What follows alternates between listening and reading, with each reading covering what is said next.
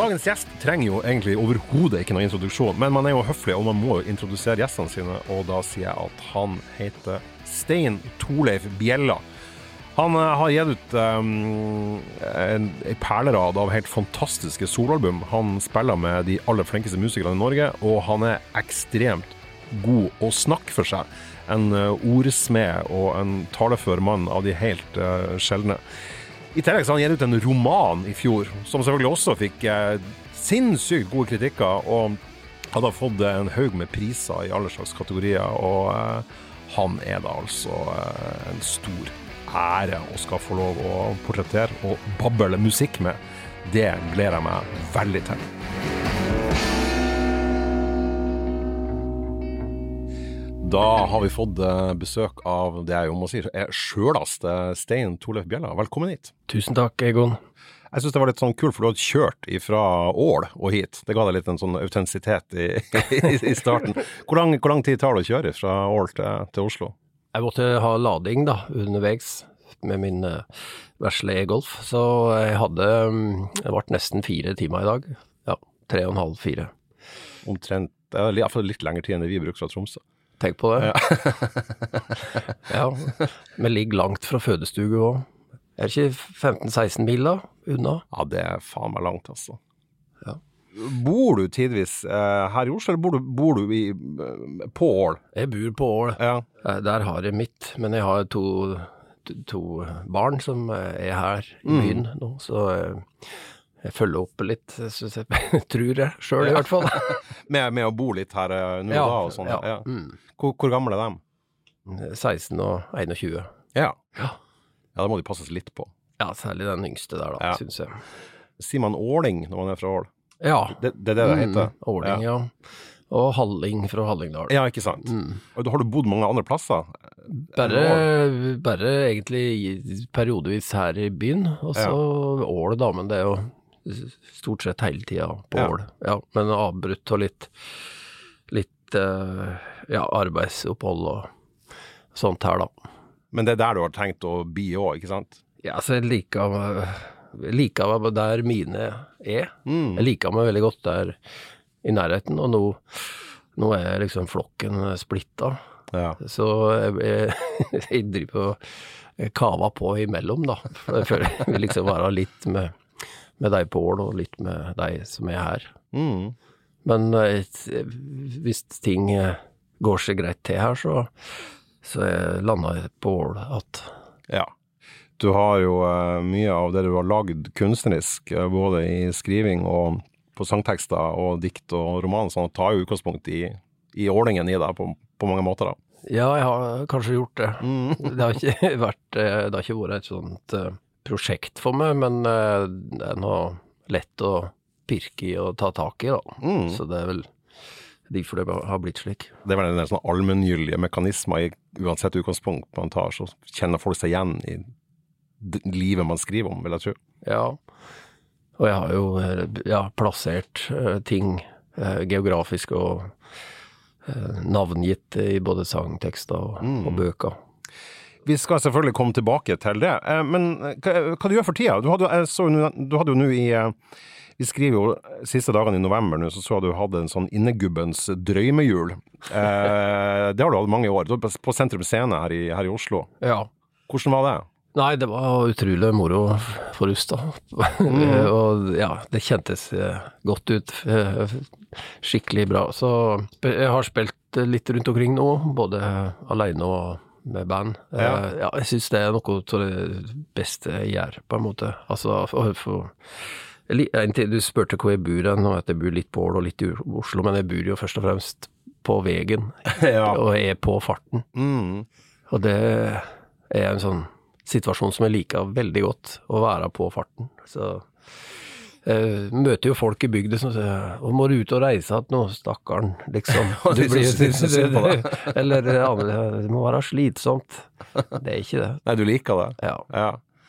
Jeg så du la ut noen bilder, eller et bilde på Facebook i dag som var tatt liksom helt øverst eh, på Sentrum Scene. Det er jo det er et veldig sånn amfibygd sted. Det så bare så jævla drøyt ut. Jeg syns dere var sånn seks-sju på scenen, og du i rød dress, og det så jævla sånn glamorøst og kult ut. Det kunne vært litt sånn Chris Isaac eller et eller annet sånt, tenker jeg, i, i Las Vegas. Så Jeg har jo sett Chris ut. Isaac på sentrum òg, så Ja, ja, ja, ja, ja. Vakkert. Er du fan? ja, jeg var veldig det med en gang. Mm, ja da. Eh, Men eh, det ble aldri speildress på meg.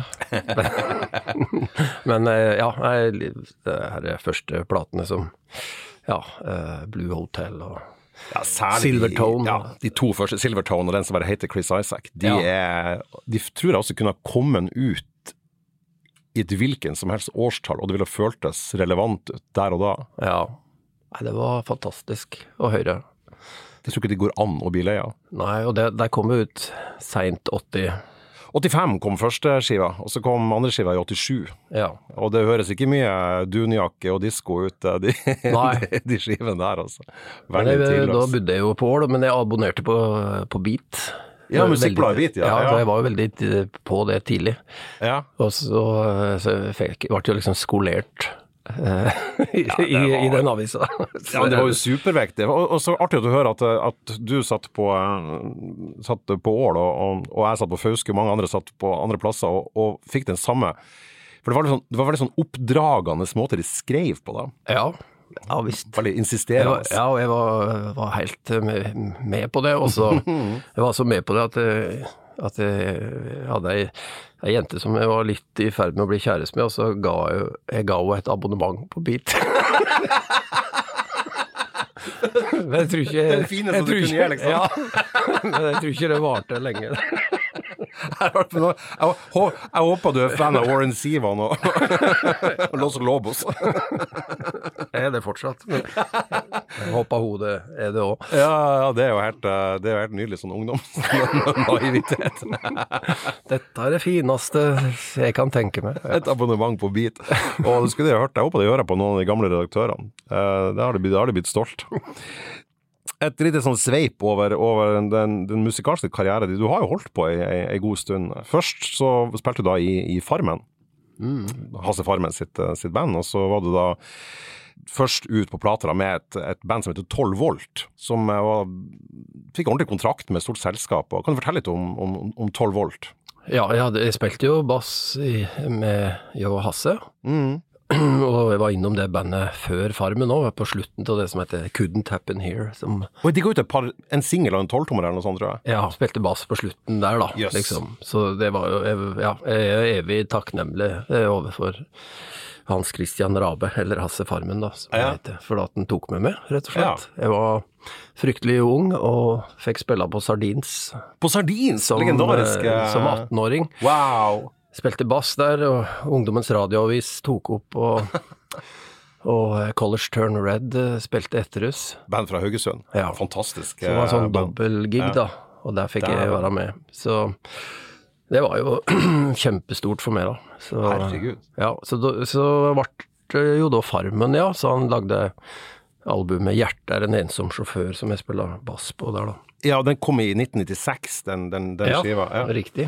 Du skrev ikke tekster og sånn på det? Nei, nei, nei, jeg var bare med, med bassa. Men så eh, dreiv vi og skrev sanger, da. Og vi øvde jo i Kongens gate og i Parkvegen, og der møtte jeg eh, Egil Stemkens.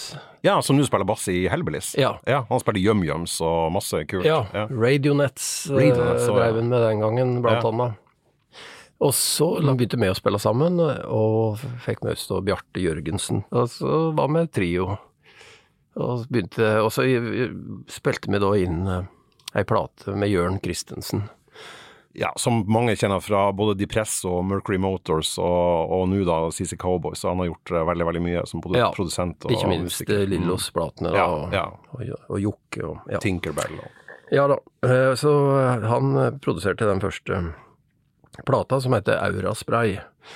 Og den spilte vi inn i Sverige, i Skåne. Da hadde dere fått penger fra, fra plateselskap? Ja, vi fikk eh, betalt for oss, ja. Stemmer Ja. det. Så vi hadde egentlig fått eh, ordentlig platekontrakt på Sony, ja. Men det var jo svære greier. Hva var det, 99, var det? Ja, Ja.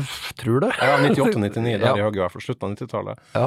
Og da var det jo masse penger i platebransjen, så de, da kunne man jo ja. sende et band til Sverige. Ja, vi fikk i hvert fall eh, gjort opp for oss rundt omkring. Og så skulle vi begynne på Ja, så gikk det jo sånn Vi, vi fikk jo ei A-listing på P3 med kaffe og kaku og Den låten Altså, jeg, jeg fikk jo jeg, jeg fikk jo deg for mange år siden til å brenne meg de der 12 volt-platene, for de var jo umulig å få tak i. Den her, den her er nå strømma, da. Ja. Uh, og, og jeg hørte jo ikke på 12 volt med, med nytt blikk før etter du har slått gjennom med soloplaten dine. Og den Kaffe og kaku, den hiten deres, det er jo egentlig en sånn Øvre Ål Resort part 1. Eller Oppfatter jeg det rett, eller? Ja, det er godt sett i hvert fall. Eh, Aldri vært Jeg har ikke tenkt slik, men når du sier det, så er det jo det er veldig interessant, egentlig, fordi at eh, jeg synger jo om Øvreål der. jeg- Ja, og han jeg bodde jo gay-personen ikke- skal ut. Men han skal Ja. bli britpop-rocker i stedet for uh, nye Olav Thon. da. Men han har en sånn Jeg føler at det er en sånn parallell de låt, mellom de låtene. Ja. Og det verste var at jeg bodde ikke i Øvreål heller. Jeg bare dikta meg inn i det, og så flytta jeg dit etterpå. det, er, det er bra. Men da var det sånn, da fikk dere radiospilling på den, og så fikk dere spillejobber mye rundt i landet? Sånn, Ja, der, lite grann, men det ble liksom så vanskelig eh, fort, egentlig. Og så eh, Men så spilte vi inn et nytt album, da. Kjartan Kristiansen var, var veldig glad i kaffe og kake og tilbød oss eh, studiotid ja, på album, neste album, da. Så begynte vi med det. Og den heter Kalas. Kalas. Ja. Ja. Og så ble det litt vanskelig etter hvert. Så, så det Når du sier vanskelig, er det i betydning av ikke suksess? Eh, Nei men det var egentlig i, i eh, produksjonen. Eh, ble, Sony syntes vel vi solgte for lite på den første, så de liksom, ville ikke være med lenger, da. Videre, nei. Nei, så vi var jo litt på sjølstyr uh, igjen, da. Altså, den, kom, den kom på Indie-label, da? Den Ja, det oppfølgeren, den. Mm. ja. Det er derfor den ikke ligger ute i strømmetjenester, sikkert også, da. Ja, ting begynte å gå veldig seint med alt. altså. Men eh, vi spilte jo inn hele albumet, og Ja. Atle Karlsen og, uh, gjorde, gjorde størstedelen, og Kjartland gjorde fire låter Mm. på den plata. Og så flyttet jeg til Ål omtrent i, ja, i slutten der, da. På sluttfasen der. Så Ja. etter eh, Den kom vel liksom fire år etter Auraspray, ja. og da bodde jeg på Ål att. Som hadde plateslipp der, da. Men tenkte du da Dette var det, på en måte. Det var, det var den sjansen jeg fikk. Ja, jeg tenkte at det var eh, At jeg ikke kom Vi kom ikke lenger, da, med det. Og eh, vi fikk jo Fikk jo egentlig litt medfart, hard medfart òg. Av kritikere. Ja. På, Og vi hadde en, vi hadde en konsert i Bergen vi fikk litt sånn juling av. Av anmelderen? Ja. Det var ganske tungt å på en måte se egen storhet Ja, lenger. Det, Ja, ja. Altså, den eh, storheten var på en måte blitt borte. Eh, Så jeg, jeg tenkte vel eh, om jeg, at vi måtte bare stoppe opp, da. Og så beholde det gode, de gode vennskapene. Og så eh, vi musikken seile. For det, det som er interessant her, er jo at altså de fleste Altså de aller fleste de, de, som har en karriere innenfor, innenfor musikken, det er jo 20-årene de fleste piker. da. Eh, Det er i hvert fall en sånn Det er ikke regelen, selvfølgelig, men, men det er jo som oftest da det, da det skjer. Eh, Du har jo sånn Chris Christoffersen som var 34 år da han debuterte og sånn, men det er svært sjelden, i hvert fall på, på solokarriere, at det på en måte At det er pika sånn post 30. Så kommer du. Du er fem år eldre enn Chris Christoffersen da du gir ut solodebuten din. Um, den Heidersmann, som nå på en måte er ikke bare på en måte som er en, en, en tidløs norsk eh, klassiker, helt, helt eh, på øverste hylle, noe av det beste som er hamra inn i, rilla her på, på berget. Hva var det som gjorde at du på en måte hadde gutsen til å bryne deg på den, og finne den, den indre storheten din igjen, da? For det må jo ha vært eh, Du må jo gå noen runder, skal jeg orke det her igjen, liksom? Nei, for det som var situasjonen, var at eh, jeg har jo et uttrykksbehov, selv om jeg ikke ser min egen storhet eh, til, til enhver tid. Så, så driver jeg og samler på ting og ordner det så det blir en sang, da. Um, om, ja, så det hadde jeg jo drevet med uten at noen gikk og venta på det. Men, før Kjartan Kristiansen ringte igjen etter en del år og lurte på om jeg hadde om jeg skrev fortsatt. da. For de som eventuelt ikke må vite hvem det er, så er det, det er jo da eh, låtskriveren og, og gitaristen eh, i, i, DumDum Boys, um, som jo allerede da hadde jobba med deg med, med 12 volt og, og, og hadde trua på deg da. Men var det han som eh, altså kontakta han deg for å høre om du fortsatt drev på? Ja, han gjorde det. Wow. Han ringte og lurte på. Skriver du fortsatt? Og ja, jo, jeg gjør nå det. Altså, jeg kan jo ikke komme innom i studio. Nå har jeg fått, uh, fått veldig dreis på studio, og ting virker godt. Og, uh, og, hvis du har lyst, så vil jeg gjerne prøve ei økt. Og det var starten da på Heidersmenn. Herregud. Som han har produsert, og spiller dobro på. Mm. Sånn, han er veldig vesentlig på hele den plata, både i det han gjør rent sånn gitarteknisk, men også som produsent. Det er jo litt sånn American Recordings vibb over den, da. Ja, og vi gjorde jo det samme på neste album òg. Vonde visu, ja. Mm. Mm. Jeg syns det er artig, på, på Vonde visu, det er vel andre låten på skiva, så har det noe som heter Søt harmoni. Eh, husker du de første linjene på den? Det bor så mye i meg, hadde du visst det, hadde du alder banka på.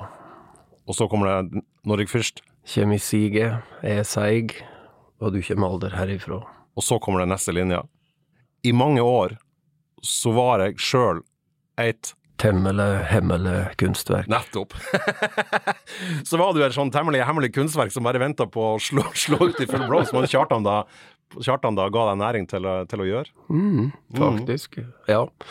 Som jeg sa, jeg, jeg skrev sjøl om det ikke var noe spilling og Jeg, jeg dreiv liksom på, da, for at jeg mente Eller jeg måtte, sannsynligvis. Jeg tror, ja. jeg tror det er litt sånn at jeg Eh, som jeg sa, eh, eh, jeg samla på ting om jeg vil eller ikke. Ja, En slags indre kunstner-Tourette som måtte, måtte, ut? på det. Ja, jeg ja. tror faktisk jeg, jeg har det. Mm. Sjøl om jeg ikke har eh, alltid på en måte eh, vært skråsikker på det. Så, så, sånn i, i, gjennom mange år, da, så, så, ser det slik ut.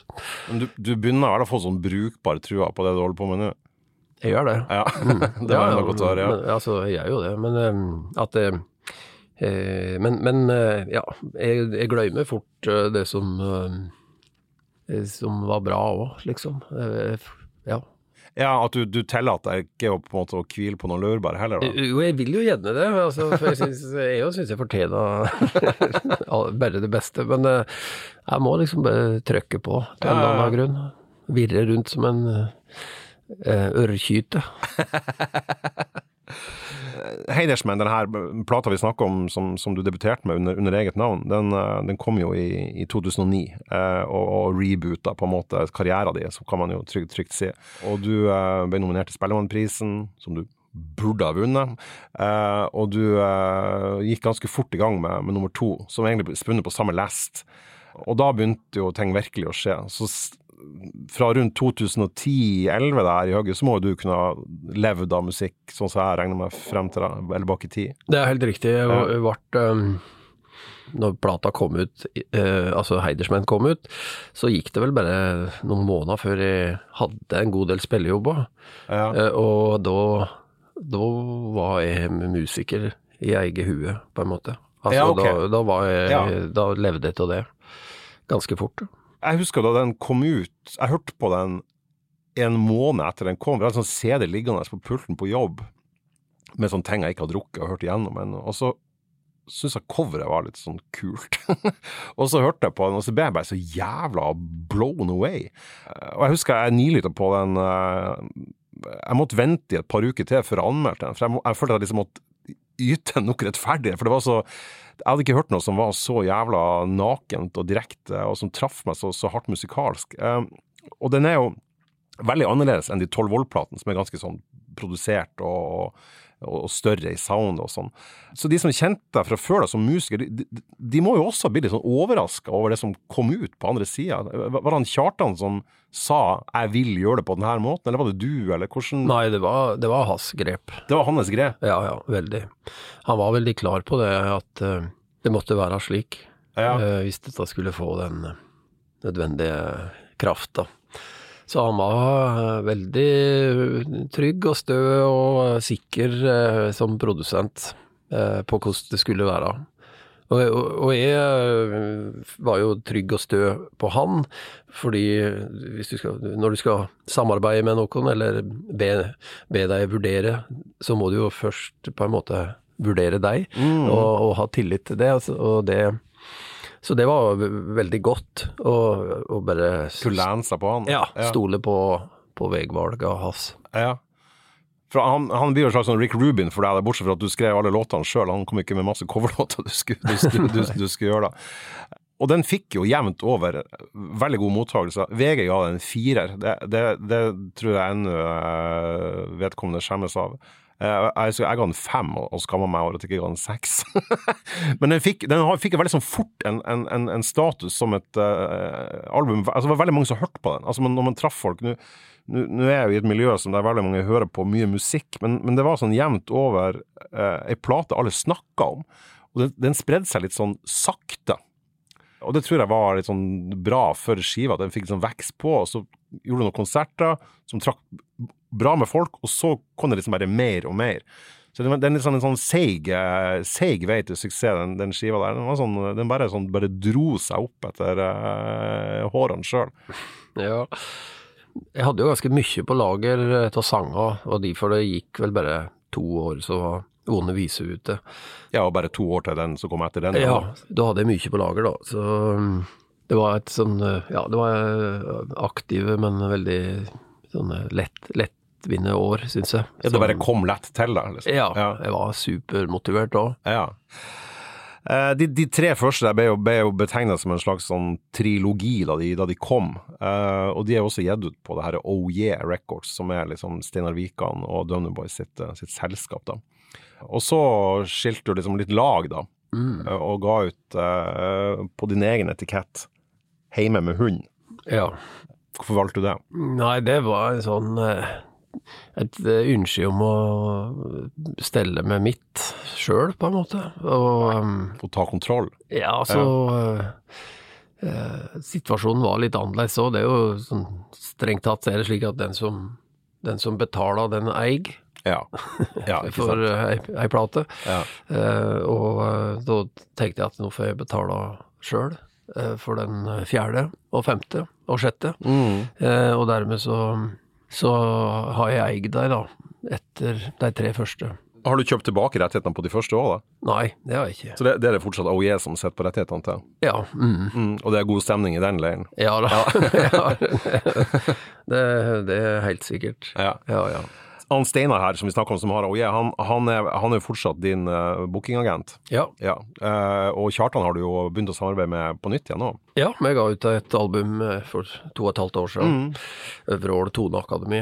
Ja, og da var jo han tilbake i stolen igjen. Ja, så det var utrolig moro. Vi hadde det kjempefint. Og han som eh, var tekniker på de tre første albuma, Bård Ingebrigtsen, han eh, ble jo produsent på det fjerde albumet, så jeg har på en måte forholdt meg til samme, Til de samme folkene, ja. studio ja. alltid.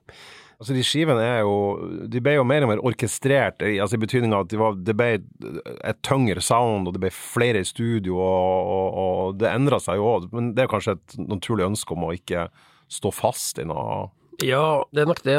Det er todelt det der, for at eh, på ene sida så er det fordi jeg har veldig slike store opplevelser når jeg står og spiller sammen med folk. Altså Mm. jeg liker samspill, på en måte.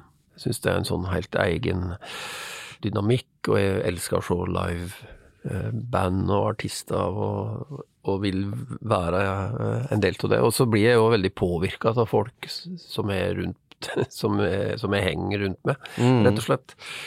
Eh, Så eh, når jeg ga ut de tre albuma eh, så nakne og så nedstrippa, så var det vel egentlig fordi jeg, hang ikke med så mange Uh, musikere. Å ja, så det var litt sånn art by accident, eh, at det bare ble sånn? eh? Ja, altså for min Ja, men det, det, det eh, Det er et produksjonsgrep, da, Ja. som, som, eh, som det er en grunn til at den tok. Men, eh, men ja, eh, jeg, jeg har vel blitt Ja, blitt litt mer Trommu tromme og først og fremst. Ja, du, du hadde til og med han, han Michael, Michael Blair, Blair, ja, som har mm. spilt med Tom Waits og Elvis Costello og Replacements og Ja sikkert masse jeg har glemt også. Mm. Men du har jo spilt med jævla mye flinke folk. Jeg, jeg begynte å tenke på det der. Um, det er jo det, de jeg kom på, da. Eh, Egil Stemkens har du allerede nevnt, nå spiller i Hellbillies. Uh, G. Sjunstøl, som fortsatt er en, eh, en eh, våpendrager for deg. Amund Mårud. Chrisse Knutsen. Rolf Yngve Uggen. Kjartan, da, Hasse Farmen, Jørn Christensen, Bård Slagsvold, Håpe Gundersen. Det er ikke noen tullfolk du har hengt med, Stein Torleif? Nei da, du må ta med Marita Igelkjønn der òg. Marita Igelkjønn har faktisk skrevet, jeg, jeg har selvfølgelig, og sikkert mange er, har glemt, men mitt poeng er jo egentlig at du, det, det, det ser ut som det er veldig mange som har lyst til å jobbe med deg, da. Tja, det er jeg glad for da jeg har sagt ja, i hvert fall. Det, Ja. Så ja, det, har endra seg, men vi er jo veldig eh, Eirik Øyen har jo vært med egentlig Ja. eh, alltid. Og er fortsatt med. Ja, Ja. Og, um, og Geir var med eh, på, på, på de tre første platene, eh, men ikke live før etter plate tre, da. Jeg glemte å si Kenneth Kapstad også. Ja, og Kenneth Kapstad er jo- at jeg glemte. Han kom jo med i, jeg tror det var 2013 eller 2014. Ja, og for de som ikke kjenner til han, så han har spilt eh, tromme i Motorpsycho i flere år, og er nå eh, vesentlig drivkraft i bandet Spider-God. Ja.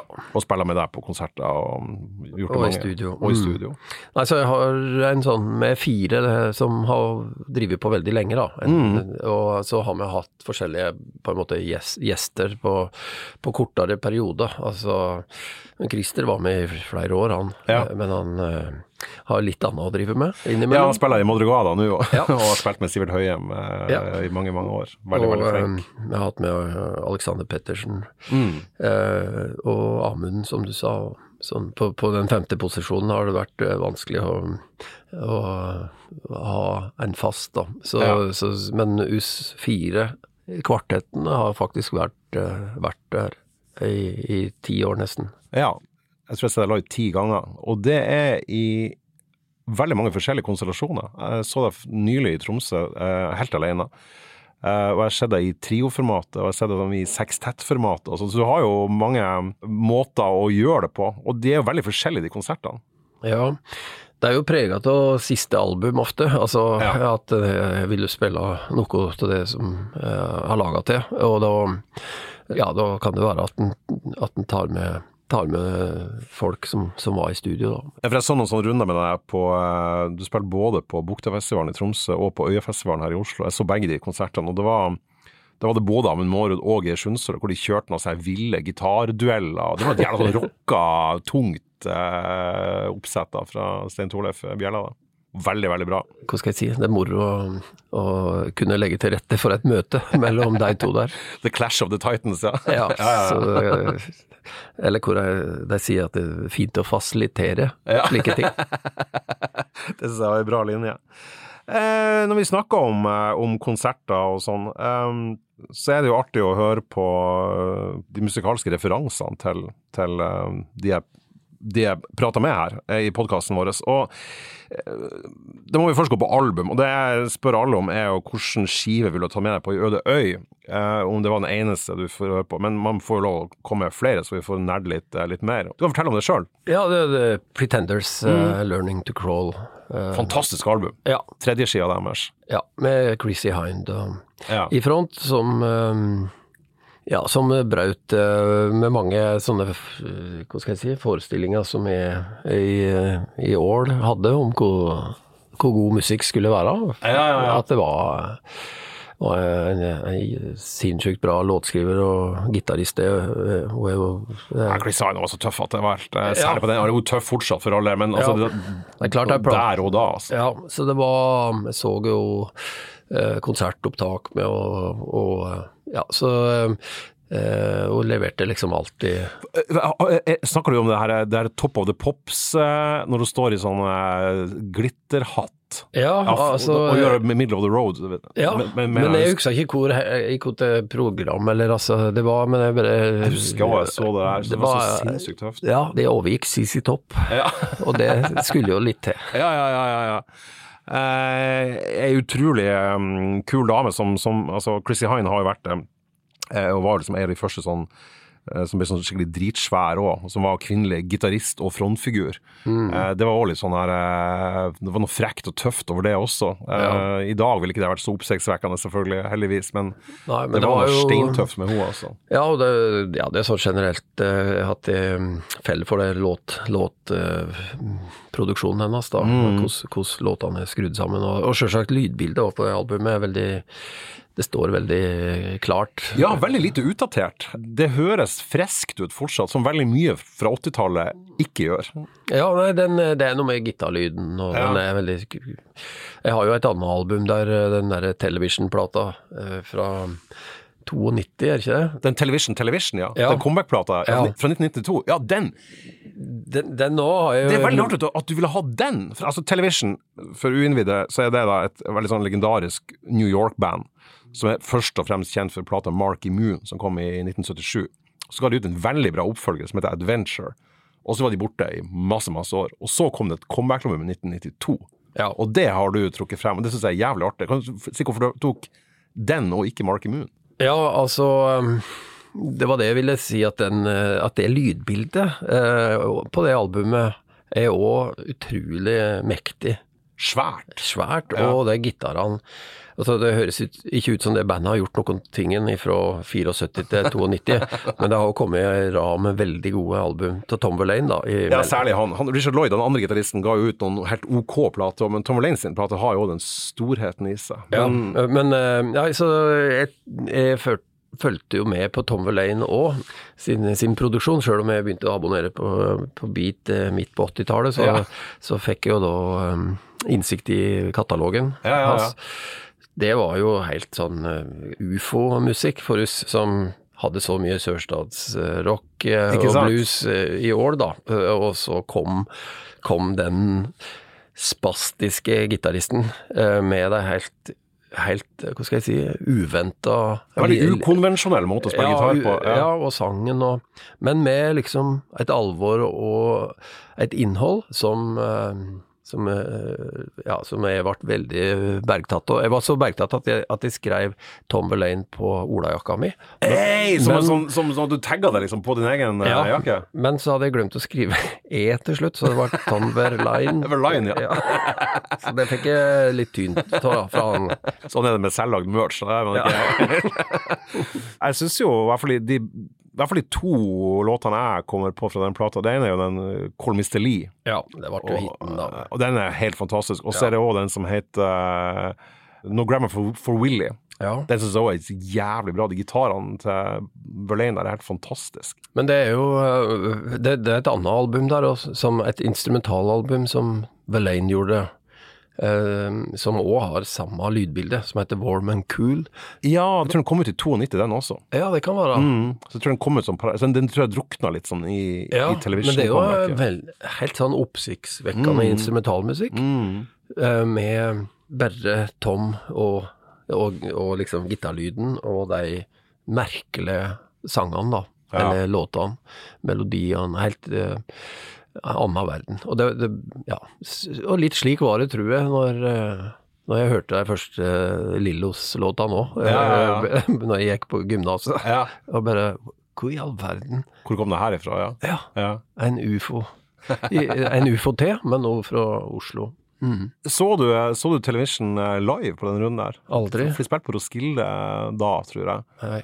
Og så, kom, så var det jo plutselig på sånn verdensturné her for noen år siden, og da gjorde de, da gjorde de Mark Immune Ja. Jeg leste om dem, og de spilte jo i Bergen og i Tromsø. Ja, akkurat. Ja, helt forferdelig.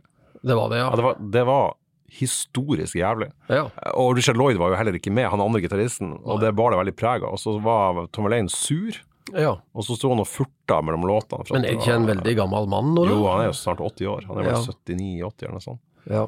Det var ganske trist. Ja. Jeg skulle egentlig ønske at jeg ikke hadde opplevd det. ja. Jeg har ikke opplevd det, da. Det, Ja, da er du, da er du, eh, da er du, eh, du Urørt. Ubesudla av, av den feile lineupen til Television.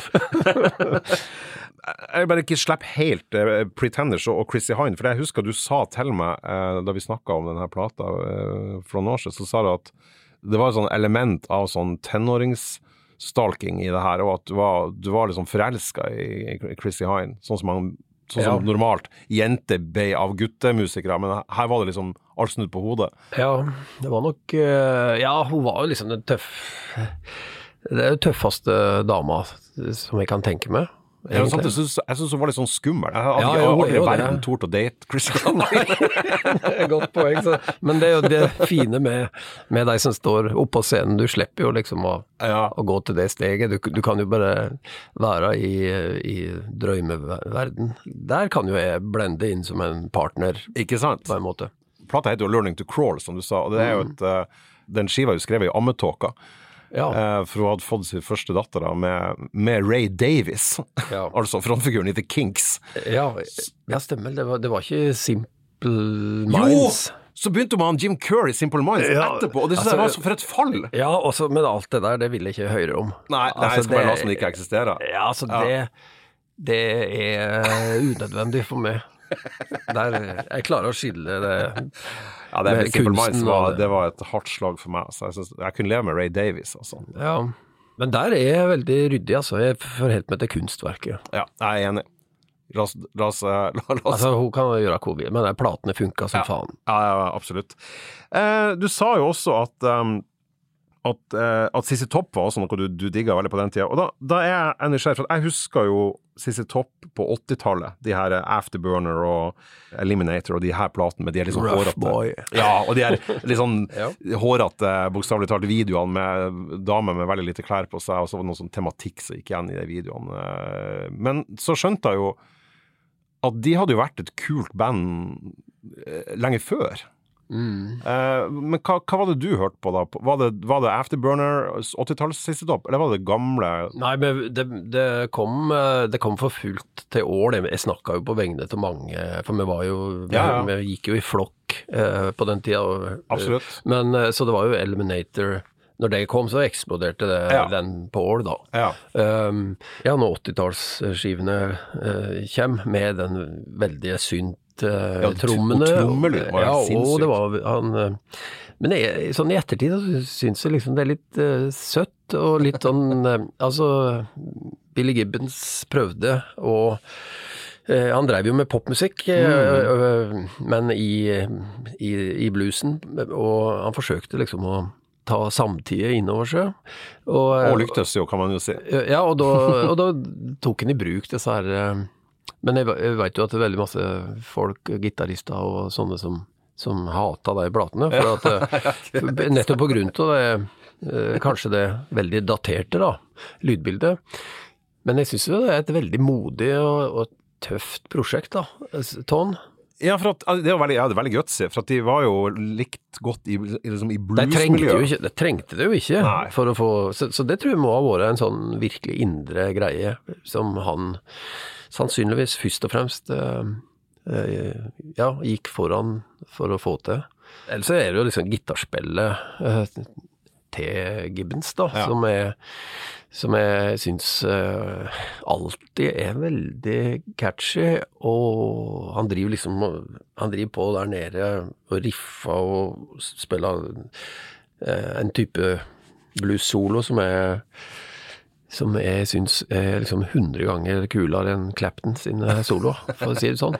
Det, det, det, det bare skuffa av gårde på en mye mer sånn funky måte, da. Jeg er veldig, enig. Um, kan nevne at Blues Explosion uh, sin forløper Pussy Galore ga ut en låt som heter Eric Clapton Must Die. I en sånn, Ja, ja. Mm. i en sånn bluespuristisk eh, tradisjon, da. Nei, så, ja, og, Det, og det er bare Så det, det er trio Den trioen der um, på plate, da. Jeg har sett noen sånne live-videoer og sånn. Da blir jeg alltid litt overraska over hvor uh, Ja, hvor på en måte lite sofistikert uh, det er. Sånn, altså CC Top Live. Men, Ja. men, uh, men de albuma syns jeg inneholdt eh, Ja, jeg, jeg husker dem jo fra, fra ungdomsskolen og, og, og, ungdomsskolen og gymnaset. Og det, eh, jeg var så overraska da jeg hørte på nytt på 90-tallet, altså ut på 90-tallet en gang, så noen som satt på Afterburner på en eller annen fest. Så tenkte jeg ja ja, det var, det var jo morsomt. Men da, da, da, da så man et klart skille mellom de som hadde opplevd det på 80-tallet og hørt det der og da. Syns fortsatt det var helt ok å høre på det. Men de som ikke hadde hørt det, som jeg hadde deres første møte, så var det sånn Hva det her er, en slags overprodusert ræl? mm, Og den derre Viva Las Vegas kom vel òg Ja. etter Afterburner. Ja, sant? Ja. Men eh, tenk på de der, eh, altså Fandango og um, Tres Hombres Tres som er jo på en måte den klassikeren deres. Ja, ja, Altså, som eh, ja, Grønt det- cover. Ja, men jeg hørte veldig masse på det, og det traff. Og det treffer fortsatt. Det litt, jeg har det på spillelista i bilen, liksom. Jeg hører på det. Bra bilmusikk. Ja, det er kanskje der, først og fremst. Men ellers så, eh, ja, fra den Jeg husker jeg, jeg kjørte til Roskilde i 1990, og da fikk jeg altså sett Og var du på Roskilde i 1990? Så du The Cramps? Nei, men eh, jeg så um, Green on Red. Jeg Oh, så ja. Dedde. Jeg så eh, David Lindley og Ray Cooder. Jeg så The Cure. Jeg så eh, Dylan. Kanskje det var i 91, da. I en, Eller 89. 91 var det regnværsåret. Ja, men da I, I jo doble- 90 spilte i hvert fall uh, The Cramps.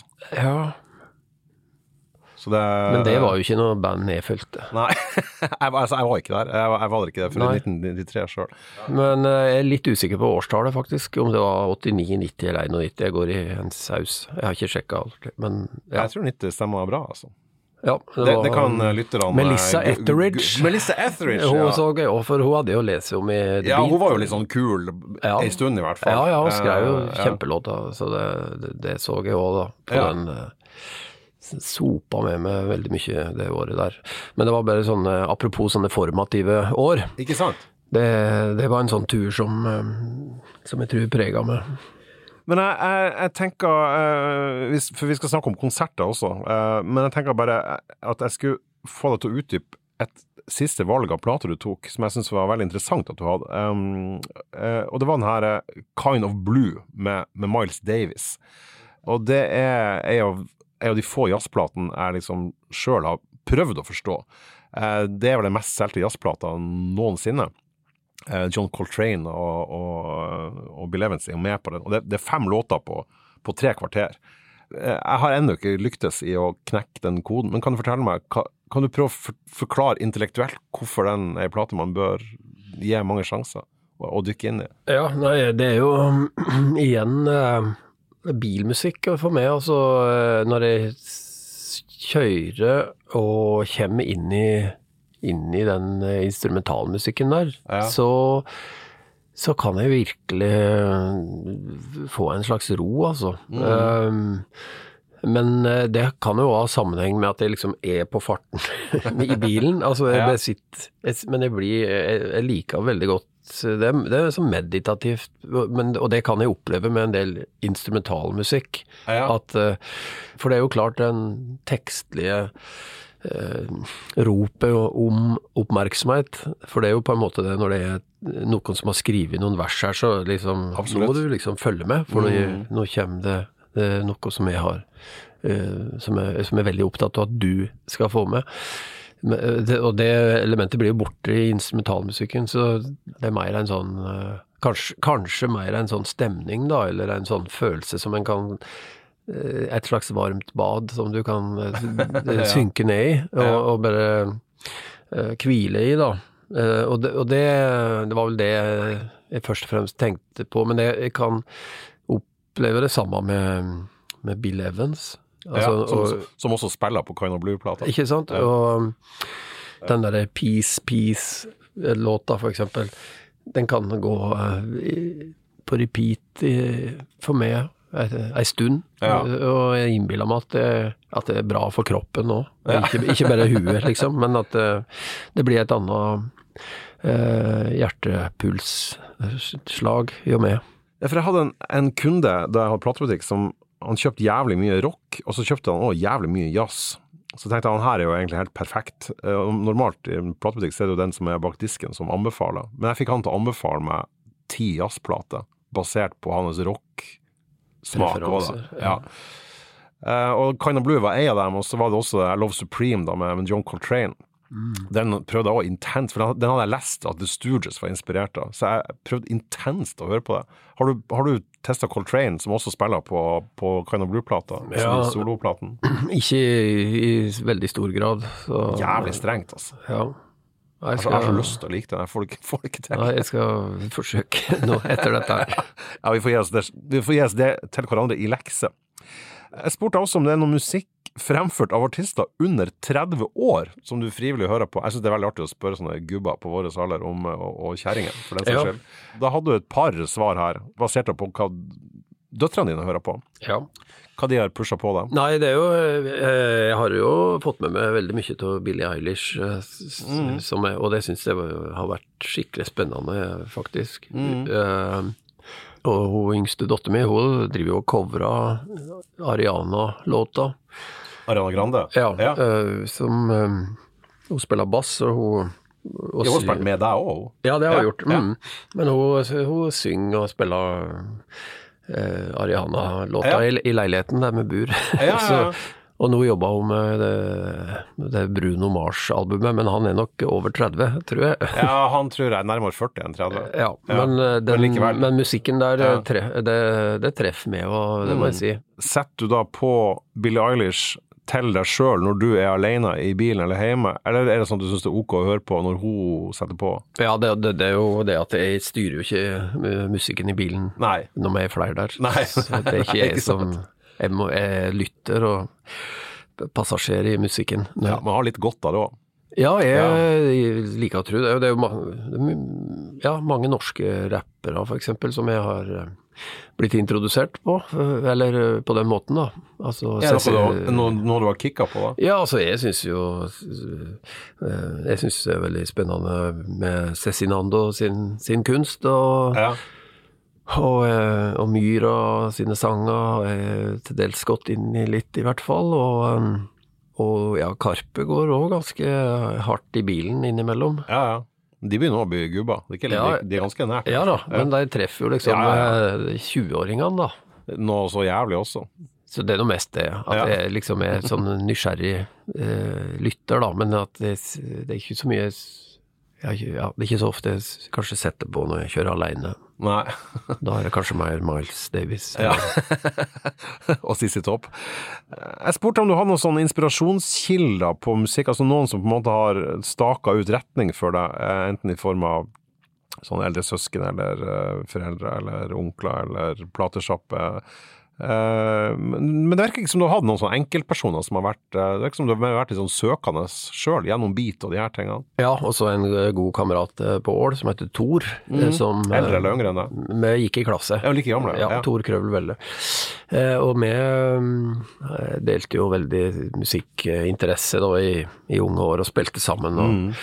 Så vi var liksom to, slik jeg opplevde det, to, to om det. Og så, men jeg hadde jo eldre veldig på å ha et slags sånn fellesskap i, Ja. i, bunnen, da. Ja, Ja. vi hadde virkelig det. Og så, og så var det ja, jeg, hadde, jeg har jo tre eldre søstre, og ene hadde eh, en kassett med 10cc. Tennessee, ja. ja.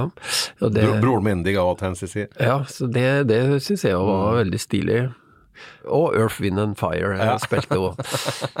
Men det var, det var så primitivt at jeg Vi hadde jo ikke effekttak i en gammel platespiller som, eh, som jeg måtte koble til en, en gammel radio Ja. for å få stereoanlegg, da. Altså, Ja, hadde- du bruker rørforsterkeren i en sånn gammel radio. ja, ja, ja, det var sånn jeg, var det som var mitt stereoanlegg. ja, ja, ja. Eh, og så, når jeg ble konfirmert, da, så kjøpte jeg meg stereoanlegg og gitar. Ah, for pengene, ja. Ja, ja, så det var Begge liksom- delene. dæken. Ja. ja. Jeg kjøpte meg en gitar på Bry Foto og Musikk på Ål, som heter Cat's Eyes. Det var platebutikk eh, på Ål. Ja, det var Ja. egentlig to, for de solgte plater på, på Bry fotomusikk, og så også på Elektro eh, Bernhard Berg, da.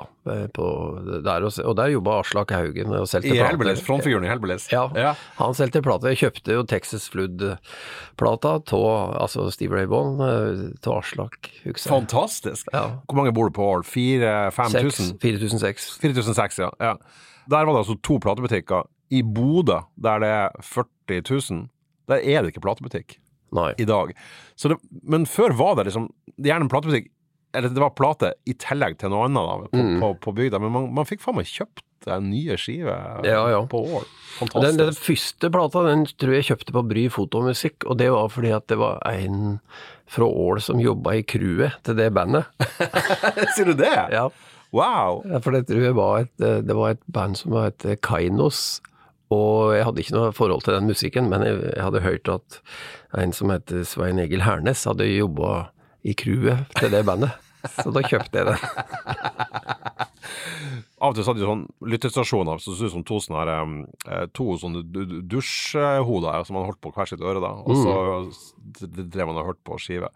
Og så var de som jobba i platesjappen, de ble jo jævla lei av folk som skulle lytte, for det var jo mas med det der. Og da i hvert fall endte man jo av og til opp med å kjøpe skive basert på cover. Gjorde du det? Ja, det, det har jeg gjort. Altså Har du hatt noe hell med det? Nei. Men det var Ja. Nei, det, det, det er jo et album der som Jeg husker ikke navnet på det bandet engang, men det var liksom bare ei tegning til, til en, en bil og noe greier som jeg bare Fy faen, det ser tøft ut. ja, ikke sant? Det gjorde det. låt ikke tøft. Nei, altså. nei, nei, nei. Men altså, apropos sterke musikkopplevelser. Ja. Tidlig, da, sånne formative ting. Jeg tenker at uh, på ungdomsklubben i Ål, så er det klart at når, når Lars Håvard Haugen, da eh, bror Gitaristen. Ja, bror til Aslak. Ja. eh, Han er ett år yngre enn meg. Og når han eh, sto fram på ungdomsklubben eh, i Ål som kanskje 13-åring, som fiks ferdig gitarist, og planka Steve Ray Bond-låta Som 13-åring. Ja, 13-14 og sånn. Og med Altså, det- det var så sterk opplevelse for oss uh, musikkinteresserte Herregud. at uh, hvor høyt nivå han hadde Allerede da. allerede da. Så det er jo en sånn, hva skal jeg si, eh, ja, veldig sånn eh, imponerende opplevelse, da. Jeg vet, du om noen tok opp noen av de her tingene? Ja, det er det. Det fins. Det finnes opptak, ja. ja. da, det, Det er så bra sånt, sånne ting at ikke bare forsvinner ut med minnene til folk. Ja, det er sant. Ja, Vi snakker om formative, formative år, og da, da, da jeg ba deg om å si hva som er eh, de mest minneverdige og sterkeste konsertopplevelsene dine, så, så ser jeg jo at de er jo eh, også i dine formative år. Og det merker jeg er ganske vanlig at folk svarer, eh, og det er ikke noe rart med det i det hele tatt. Nei. Det er den der tidssona fra liksom 18 til 25-26. Og du ramser opp flere her. Noe av det her er jo rett og slett per def legendarisk. For å ta det første, eller det siste der først, da. Darden Smith på Cruise Café. Det er sånn konsert alle sier de har vært på, og som nesten egentlig ingen var på. Fortell, det her er jo Ja. Det snakkes jo ennå om. Fortell om det. Mm, ja, jeg sto eh, Jeg fulgte jo med på, på, på Darden Smith, da. Og hadde kjøpt plat, platen, og, og så kom han til Cruise Café. Ja, skal jeg si at eh, Darren Smith er en eh, countrymusiker fra Austin, tror jeg. Eh, Han er fra Texas. Og så eh, var sånn kritikeryndling, særlig de første platene, Native Soil i hvert fall, var sånn. Den er mm. fantastisk den dag i dag. Og Cruise Café var eh, et, et ganske lite livested på Aker Brygge av alle plasser, som åpna i 86, tror jeg. Og så hadde de sinnssykt mye bra konserter der. Ja. Så bare for å sette i et relieff. Og der så du Darren Smith. Ja, ja, ja, og jeg møtte min fru der òg. Nei, ser du det? Bare så På er Cruise. Café? Ja. Oh, hvor du skriver en låt om. Det, ja, det kan hende. Det skal jeg. Men i hvert fall, eh, jeg sto eh, ganske langt foran, rett foran Darden Smith, og han eh, spilte. Og etter hvert ble liksom revet med av egen storhet der oppe. Og eh, han eh, Det var et lite rekkverk eh, foran scenen. Jeg tror bestemte han sette foten på rekkverket. For å komme høyere opp, liksom. Ja, komme litt ja. høyere, og jeg sto der og tenkte ja, faen nå Jeg regna med at du ser den der vifta i taket. Uh, Og du, du rakk å tenke det også? ja, ja, for liksom bare du, du ser den Du ser den vifta. Og Eh, svaret var nei. Nei. Han fikk vifta midt i panna. Og sprutblødde med en gang og ble kasta bakover på scenen. Og lå rett ut.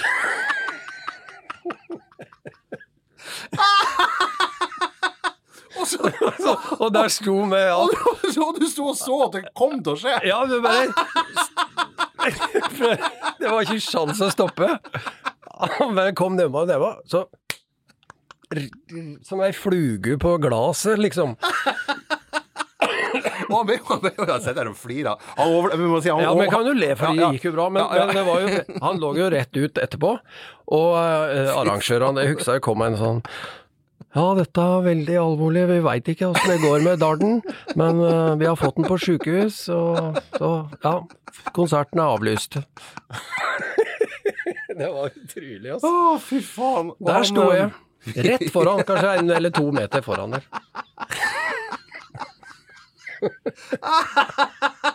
Å, nå høres jeg utrolig lite empatisk ut. Mulig jeg, mulig jeg ikke er det heller, men det her syns jeg bare er så Men han må, jo jævlig ha et, artig. han må jo ha et skikkelig arr i panna. Han det må jo, må han, det, ja. det må jo stå liksom Cruise Café i, panna på han. Men, eh, men eh, eh, han har jo Darren Smith har jo Det er veldig lenge siden han har gitt ut noe bra plate. Han ga ut en plate i år som ikke var spesielt bra, men, men han, han har starta blant annet en sånn her eh, en sånn her eh, låtskriverskole for eh, soldater som kommer fra krigen. Så fra sånn, sånn veldedighets... eh, Sånn traumeterapeutisk behandling med låtskriving, da. De, som, de som hører på det, sier at han ser Tor holder på å fly seg i hjel! Nei, men det var jo bare Apropos uh, traumer i musikken, Ja, altså, liksom. han, har, han, har vært, han, har vært med, han har vært på slagmarka sjøl. Ja. Nei, det var, det var bloddikt. Ja, dæken. Kanskje benytte anledninga til å si at folk må sjekke ut uh, Jeg skal legge det over i en spilleliste etterpå, der jeg hiver over musikk fra alt det vi har snakka om. Da skal jeg legge i hvert fall tre låter fra debutskiva Native Soil, kommer i 1986. Ja. Bust Stop Bench, Clatter and Roll Jeg kjøpte og- faktisk Jeg stoppa å følge Darnsbitte ganske fort etterpå. Ja, det var en den Trouble No. More-plata var den siste jeg kjøpte sjøl. Mm. Da var han allerede begynt å bli ganske pop. En fantastisk låtskriver. Ja. Da. Ja. Helt, før, Det var, og det var en helt uh, nydelig konsert òg, slik jeg husker det. F Frem til blodbadet. Ja. Ja. En annen her så jeg ble jævlig misunnelig for at du hadde, for han har jeg alltid hatt lyst til å se, aldri fått anledning til det. En, um, en fyr som egentlig har sine røtter i punken eh, og powerpopen. Uh, spilte i band som heter The Nerves, og også i band som heter The Plimsouls. En um, Los Angeles-legende som heter Peter Case. Og han er altså så jævlig fan av den dag i dag. Når så du Case? Ja, det var på Sardins, da. Og han var, det var aleine, han spilte aleine. Hvilken plate var det han turnerte med da? Ah, Husker ikke bildet på coveret der? Ja, hvordan ser bildet ut? Nei, jeg tror han sitter der aleine. Ja, det er den, det er den som bare heter Peter Case. Kom Ja. 1986. Akkurat. Ja. Ja, var jeg, det var jo godt gjort, altså. Jeg fikk med meg sånne konserter. ja, det er helt utrolig. Jeg bodde jo på Ål, liksom. Han har en cover av uh, The Pokes in um, A Pair of Brown Eyes på den. Ja. Vi så jo Beat Farmers og på Så du Beat Farmers på Sardins? Ja. Å, San Diego-band! Eh, ja. med Kasta øl utover. Det var ja, helt kjent for å drikke enorme mengder øl. Han, han eh, trommisen som sang to-tre låter per konsert, Country Dick Montana, døde jo på scenen Mm. Med øl i handa. Eh, Han var en svær brande. Ja, en enorm mann, eh, med, med stemme deretter òg. Han hørtes ut som Lee Hazelwood med slarkete stemmebånd. Det var beintøft. Ja, det skulle jeg gjerne se. Jeg fikk heller aldri se dem. Var- det på Sardins det også? Ja. Fy faen. Mm, så når jeg fikk spille der, liksom eh, Ja, det var jo ganske fantastisk, det. Herregud. Det var jo altfor ung. Sardins er jo- et sånn veldig sånn eh, Nærmest myteomspunnet sted i dag, for der, der spilte jo alt. Mm. Altså Nick Cave og Warren Sivon og masse dritbra. Uh, før Jeg så blant annet Femi Gange der. Femi Gange, ja. ja de, de har jeg faktisk sett uh, i Oslo. Jeg tror jeg så det på Blitz eller noe. Nei, jo. Nei, nå tulla jeg. Det var dørvakta var Han jobba Dørvakta var vokalisten i Fem i gangen. Å ja, han Ulrik, hva det han heter? Han helt fleinskalla? Ja, det var sånn det var. Sorry.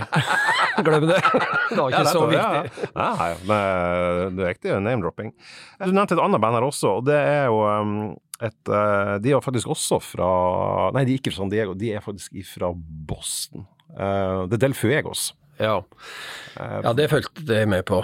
Ja. Eh, Det, det, det jeg med. Og vi covra jo eh, Del Fuego så i, i et band vi hadde på Ål. Å ja, ser du det? Ja. Mm. Backseat Nothing spilte vi. Ja, ja, ja, ja, ja. De var jævlig kule. De Ja. var jo på det Slash Records i lag med masse altså, Ja, altså det var jo Jeg fulgte jo med Altså det var jo han Mitchell Froome drev og produserte noe av Ja. Mitchell Froome, ja. Også, Veldig, han, han, også, produserte også Peter Case, som vi snakka om i stad. Ja, ikke sant? mm. Og noen Lobos-plater òg. Ja, absolutt. Kanskje Colossal Head og det der eh, Han produserte veldig mye bra på den tida, Froome. Og så eh, var det jo support for Petty. Der, der reiste jo med Petty. Ja, Tom Petty var kjempefan av Del Fuegos, Mm. så han, eh, han tok dem med som support på i hvert fall én og vi kjørte jo altså bil fra Ål, eh, fem kamerater, kjørte bil fra Ål for å se Petty eh, kompe Dylan på den verdensturneen. Og vi så det da, vi så det da i Gøteborg. Å, hvordan var det? Nei, det var Vi, vi var jo veldig opptatt av Petty. Eh, Så, Så det var Petty som var hovedgreia? Ja, så, mer, mer enn Dylan, altså? Ja, Ja. eh, men det var kult når eh, Heartbreakers Ja, fy eh, faen. kompa. Når var det her i årstallet? Nå må jeg vel tro kanskje at det var 89, eller? Slutten av 80-tallet, ja. Ja. Var det på O- O Mercy-turneen til Bob Dylan? da? Ja, jeg husker ikke hvor jeg kalte den men det var jo i hvert fall Heartbreakers. Ja, for den er jo ganske rocka, den plata. Men det var en sånn todelt gig, da. For da, så Petty and the Heartbreakers slutta jo vel eh, showet, så vidt jeg husker. Ja, ok. Ja, men det var også formative Ja, ting, da. faen, herregud. Men, uh, og da, det er jo ja. nesten 35 år siden. Jeg syns også det er veldig interessant å høre, og ofte litt sånn ufrivillig underholdende, å høre artister si hva som er sin egen verste konsertopplevelse. Og der var det ganske sånn tydelig hva det var for din del.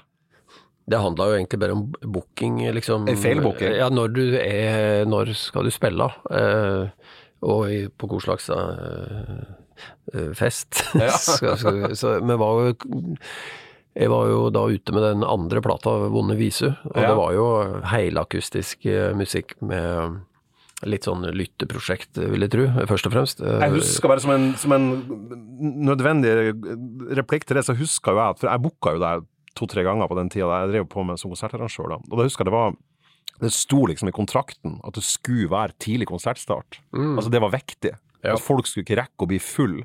Mm. Uh, og det tror jeg var en som hadde med det her å gjøre, da. Ja, Ja. og det, det, var, mm, det var etter Heidersmann, forresten. Jeg er sikker på at det var etter Heidersmann. Fordi jeg spilte da i, på en slags låvefest eh, midt i Åndalsnes, Åndalsnes sentrum. Ja. Veldig seint. Jeg tror vi gikk på sånn 11-halv-12. Folk var skikkelig eh, dritings. Og, og vi satt eh, spilte for oss sjøl, da. Og så Og når jeg kom eh, Ja, da skrev jeg den eh, låta som heter På pallen etterpå. Og den ble jo med på Vonde viser. Så ja, det er jo en, det er jo en veldig, veldig eh, altså, Husker du første verset på den? jeg sitter på en ustø europall og synger en nysjølskriven trall om det innerste i livet mitt. På handelens dag i ditt distrikt. Og så kommer da en full fyr står og ser på, seg til dame. Mm. Han sier at nå må jeg snart se og spille Sweet Home Alabama, som jo da er, som jo da er, er punchen i, i, i, Ja. i, i, første verset. Og det er altså det er altså en sann historie. Ja, det var, det var det. Den var Men det er ingenting feil med Åndalsnes. eh, Det, det var bare det at det var litt Feil- feil- feil ja, det var litt sånn eh, misforståelser, og så ble det sånn, da. Eh, Men det, ellers så Det er faktisk eh, Jeg kan ikke huske Altså, jeg er veldig sånn eh, heldig nå. Folk er høyrette og ja. Ja, jeg var jo så deg i Tromsø eh, for ikke så lenge siden. Da spilte du eh, helt alene.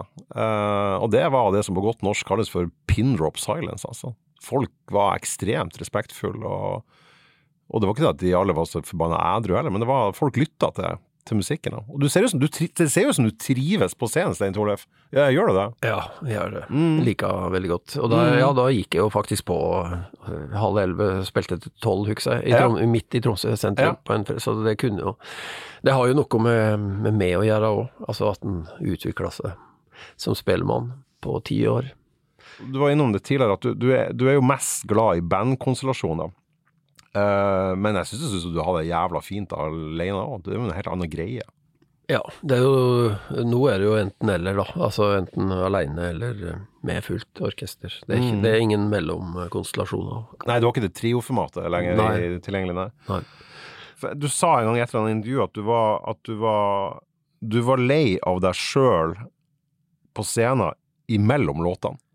Men at eh, når låten kom i gang, så var det like spennende hver gang. Ja, det kan jeg stå inne for Ja. fortsatt. Mm. Hva er den der trøttheten du, du tenker på? Ja, det er akkurat eh, Det er jo litt sånn dagen om det, men det hender at jeg er litt sånn eh, eh, Ja, kan være i, i litt sånn køddehumør, og så har jeg funnet ut et eller annet som jeg har lyst til å, å dele, og da bruker jeg det å sitte, men det sitter sjelden på dag to, den samme Den samme vitsen, ja. ja, Eller noe Ja, det, det, da det trøtna liksom inni meg veldig fort, de tinga som en sier imellom, da. Ja. Så, men, eh, men sangene, de opplever jeg liksom som nye hver gang, faktisk. Fantastisk. Er det rart? Men for en gave å ha det sånn. Da er det jo, helt, da, det er jo ikke rart at du syns det er dritartig å turnere, hvis, det er, hvis du syns det er artig.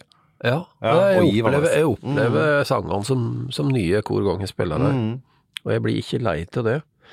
Jeg har ikke blitt lei til å spille av dem. En ting som jeg har merka etter å ha sett det såpass mange ganger, eller såpass mange ganger, det er sikkert de som har sett det både fire og fem ganger mer enn meg, men ti ganger i hvert fall, jeg regner ut at jeg har sett det. det. Det som har skjedd, har skjedd med deg. er at du, du Jeg syns du har blitt bedre og bedre å spille gitar. Altså gitarspill, og det så jeg særlig nå når du var, eh, var alene. Og da er det ikke sånn at du bare har med deg en gitar og that's it, du har med deg flere. Og du spiller primært på nylonstrenggitar. Kan du fortelle litt om de forskjellige gitarene dine, for jeg syns det er jævla interessant, da. Ja, ja den, jeg har hatt en, en heime, en sånn nylonstrenger som jeg fant i garasjen. Jeg veit ikke hvor den uh, egentlig kommer ifra. Den, den har jeg jo som sånn låtskrivergitar. Altså, den er Det er den du skriver låtene dine på? Ja, og den, ja. den er ja, Stort sett har jeg skrevet på litt forskjellig, men hovedtyngda har jeg skrevet på den fordi at den er den er på et eller annet vis veldig perkussiv òg, så det blir for meg ganske mye lyd, da. Både rytmisk og sånn samtidig. Altså en, så det er den, men så den er jo ikke helt rein i bånda, rett og slett. Nei, den, ikke, det går, du får den ikke skikkelig stemt? Nei, nei, så jeg kan ikke bruke den ikke i studio, ikke live. Altså, jeg, jeg gjorde det i tid, for å si det sånn. Ja. Men, men det, så jeg trengte jo et instrument som ligna, men som var helt riktig. Så gikk an å stille, stille det, eller stemme. Så da kjøpte jeg en, jeg kjøpte en, en gitar av en som heter Espen Østgård. Så det var faktisk svennebrevet hans som jeg kjøpte. Den, altså gitaren var svennebrevet hans? Ja. Mm, wow. Han er instrumentmaker, da. Så ja, så jeg kjøpte det. Det er den jeg bruker uh, mest. Det er liksom einer-gitaren min. Og så har jeg en, en nylon baryton STV-gitar, da. Som, ja, var det den du brukte da du spilte Redningsmann? Ja. En sånn ekstremt mørk uh, nylon uh, Ja. Veldig, ja, veldig særegen sound på den. Mm, og jeg har droppa den uh, ganske langt ned òg. Ja, for du har, stemt, du har, i tillegg stemt den ned, ikke sant? For den slarker liksom av gårde? Ja, det skal slå litt, tenkte jeg. Så så på noen album har jeg jo brukt den, eksempel Heim for å dø-plata. Så ja. brukte jeg den på sju sanger, tror jeg, på, på den plata. Og den uh, bruker jeg jo live, da. Um, både aleine og med band. Og så er det en tredje gitar uh, Når jeg spiller aleine, så er det en sånn nylonstrenger. En liten sånn uh, loppis-gitar som ligna på Altså kjøpt på loppemarked? Ja. ja. Eller det var kjæresten min som kjøpte den for 50 kroner på For 50 spenn? På, ja, 50 ja. kroner på en auksjon i Øvreål, faktisk. På nabogården. var ikke en lang og slitsom auksjon, det? Nei, men uh, det var ingen som ville ha den, rett og slett. Men uh, ja. Og den bruker du på scenen? Ja, så fikk uh, tatt, tatt hasjen og båndet på den, og så ble den faktisk veldig rein, da. Altså, den spilla veldig reint. og og let uh, kjempestort, egentlig. Det er veldig rart. Men det er en sånn, uh, sånn taugitar som Prøysen brukte, på en måte. En sånn, ja, mm. uh, og det, jeg tror det er et sånn byggesett. Men det er gammelt, altså. Ja. Det er 30-40-tall Altså, den er, den oh, ja, er gammel. Fra liksom før krigen, liksom? Ja, altså, Den, er, den ser i hvert fall Jeg veit ikke dette er sikkert, faktisk. Herregud. Men jeg har bare trodd det. Tenk for ei historie den har. Og så har jeg en sånn Harmony-gitar som nummer tre når, når jeg spiller med bandet som er bare stemt, stemt ned litt. Men den eh, Ja, så det er et styr med de mikrofonene når du spiller alene eller med band, da. Jeg prøvde å tenke på det her. Hva, eh, hvem andre er det som bruker nylonstrengetar i populærmusikken? Det, for det, det, det stål som på en måte gjelder, særlig innenfor den folk country-greia. Så kommer jeg på liksom sånn Willie Nelson er den første jeg tenker på, med den, den gitaren som heter Trigger. Det er kanskje verdens mest kjente gitar. Det er jo en nylonstrenggitar. Ja. Og så Cohen, selvfølgelig. De gangene han bruker gitar. De gangene han spiller gitar, ser det, nylon. Uh, og så var jeg, jeg lærte meg å spille gitar på nylon sjøl, så jeg ble veldig, hadde veldig sånn oppheng i at jeg måtte finne eksempler på nylonstrengitar. Så jeg vet, I Private Investigations med, med Doris Straits så spiller Mark Knopfler på, på, på nylon. Og så ja. er det vel på Uh, And I Love Her med Beatles og det nylonstrenggitar. Jeg var veldig sånn opphengt i det. Men det er få som driver på med det her. Hva, hva, hvorfor lander du på Nyland sjøl? Nei, det For første så er jeg ikke så veldig glad i plekter. Altså, jeg syns det blir eh, litt sånn eh, på, på akustiske instrument, da, så syns jeg det blir eh, ufølsomt og Du bruker tommelen veldig mye, du. Ja, tommel og finger og altså litt sånn sjøllært uh, picking-teknikk, da. Mm. Lært på, på landbruksskolen. For det, På landbruksskolen. ja, det er det som er min uh, utdanning.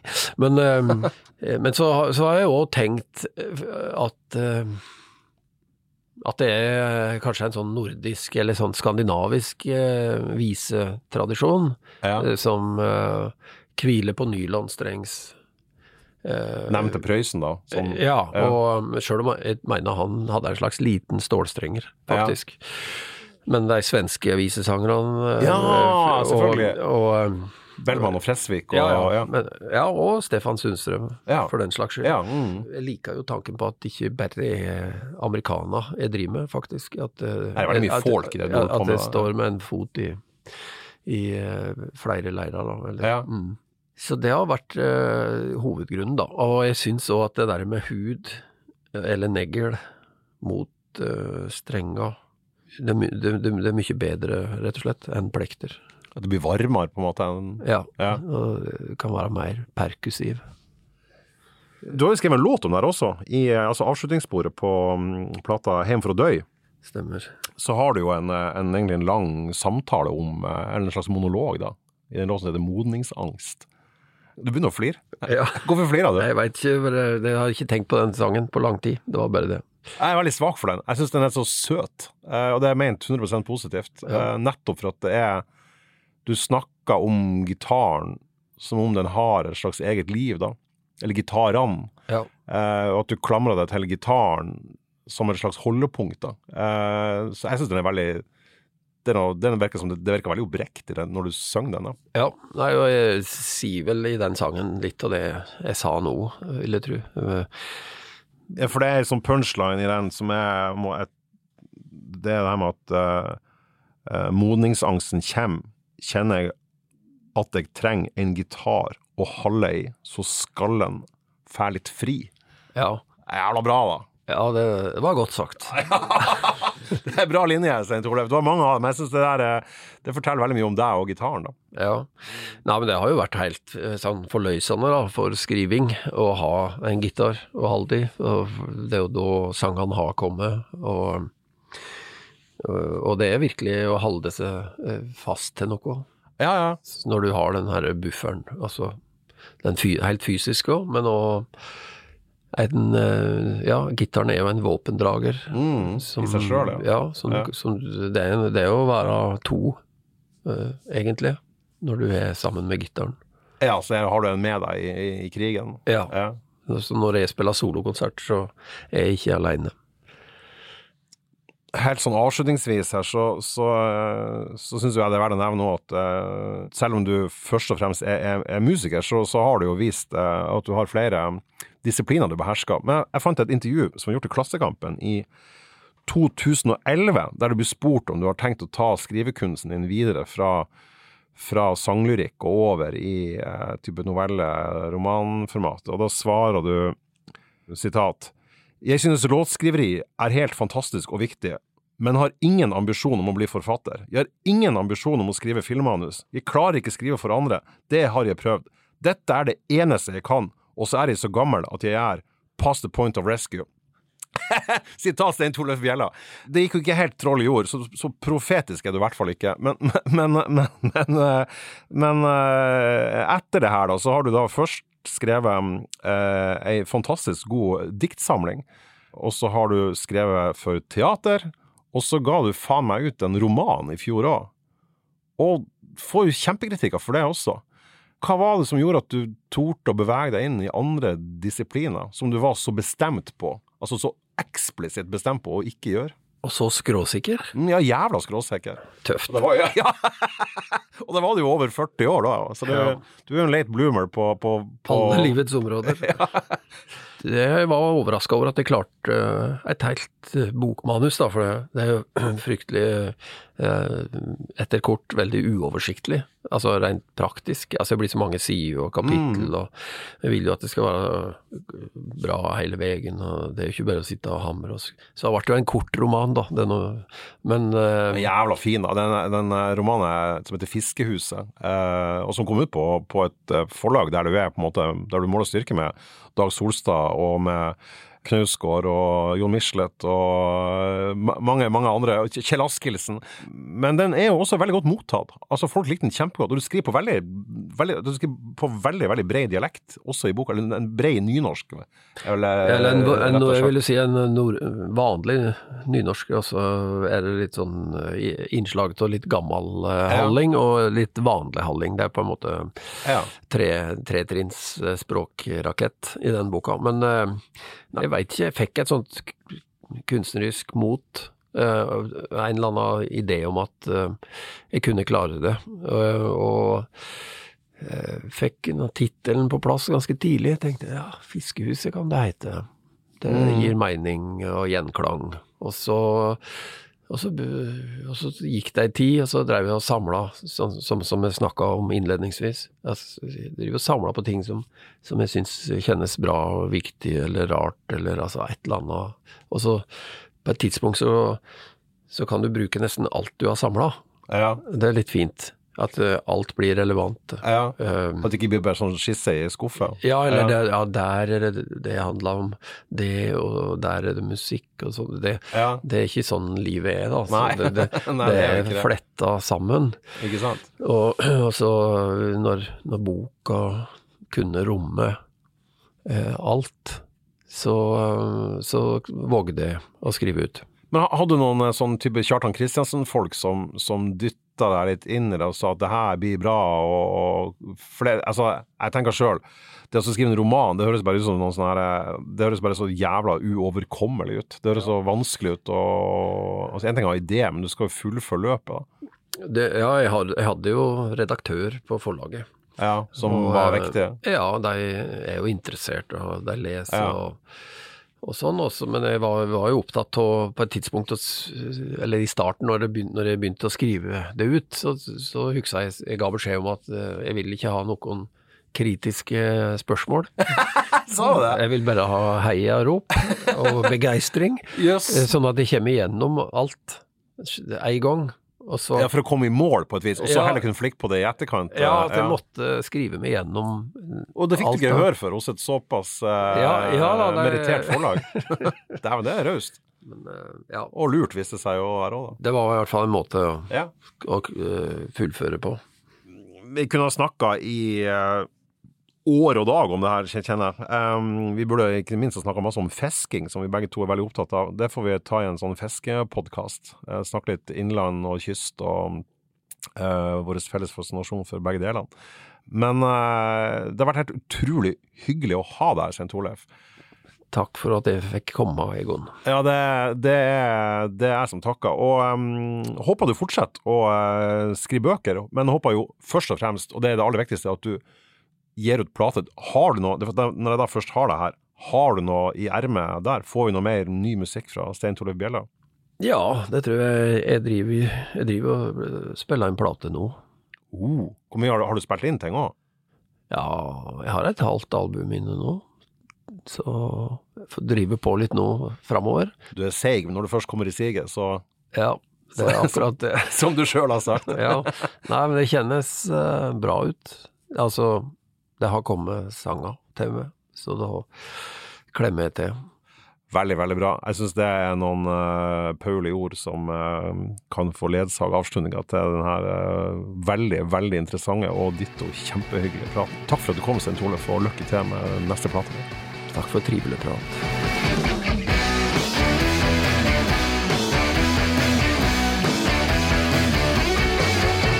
Feedback er en podkastserie fra avisa i Tromsø. Produsenten for sendinga var han Svein Lian, og jeg heter Egon Holstad.